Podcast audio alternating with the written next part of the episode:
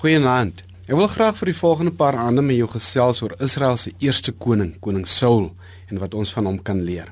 Ons lees in 1 Samuel 8 vers 4 tot 5 hoe dit gebeur het dat die Israeliete 'n koning gesoek het. Toe die profeet Samuel oud geword het, het hy sy twee seuns as leiers aangestel, maar die twee seuns het alself verryk. Dan lees ons dat al die leiers van Israel het bymekaar gekom en na Samuel toe in Rama gegaan. Hulle het vir hom gesê: Kyk, u het nou oud geword. U kinders is nie soos u nie. Stel nou liewer 'n koning oor ons aan om oor ons te heers soos dit by al die nasies is.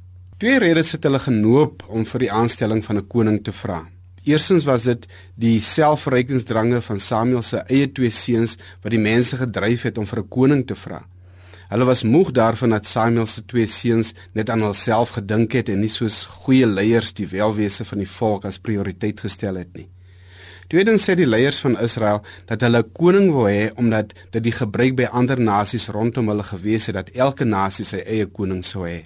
Daar is geen aanvegting teen die volk se eerste rede nie. Samuel en God is stil daaroor. Dis asof God en Samuel die volk gelyk gee dat hulle reg is om in teenstand te kom oor Samuel se twee seuns wat hulself verryk ten koste van ander omkoopgeskenke aangeneem en die regspraak verdraai het. Hieroor was beide God en Samuel ook nie tevrede nie. Oor die volk se tweede rede waarom hulle koning soek, is beide Samuel en God nie baie tevrede nie. Samuel sou moontlik gevoel het dat die volk vir hom nou as profeet half verwerp het. Dis dan ook waarom God vir Samuel teregwys dat dit nie is dat die volk vir Samuel verwerp het nie, maar dat hulle eintlik vir God as hulle koning verwerp het. God sê self in vers 7: "Hulle het jou nie verwerp nie, hulle het my verwerp as hulle koning."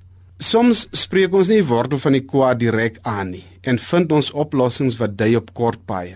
Moes die Israeliete nie eerder gevra het vir 'n profeet so Samuel nie en sy twee gierige, onverantwoordelike en slegte seuns tot orde geroep het nie. Johannes die Doper het vir Herodes en Herodia tot orde geroep en sy kop was afgekap. Die Christus het die selfverrykingsbestel en ekonomiese orde van uitbuiting sowel as die fariseërs se weegskale van ongeregtigheid prontheid aangespreek en hy was gekruisig. En hier stap menige van ons dag na dag sonder dat ons gesamentlik teenstand toon teen die blaatante selfverryking, die knoeiery, die verdraaiing van die reg en die selfsug van ander nie. Eintlik vra ons ook maar net vir nog 'n nuwe koningkie. 'n nuwe politikus en ander politieke party en weinig vra ons dat ons as land en volk moet terugkeer om die heerskappy en die beginsels van God weer aan te hang. En in hierdie keuse van ons kort baie vat ons eintlik die langste pad tot herstel. Ons vra soms te veel. Eintlik moet ons net weer na God en sy koningskap oor ons vra.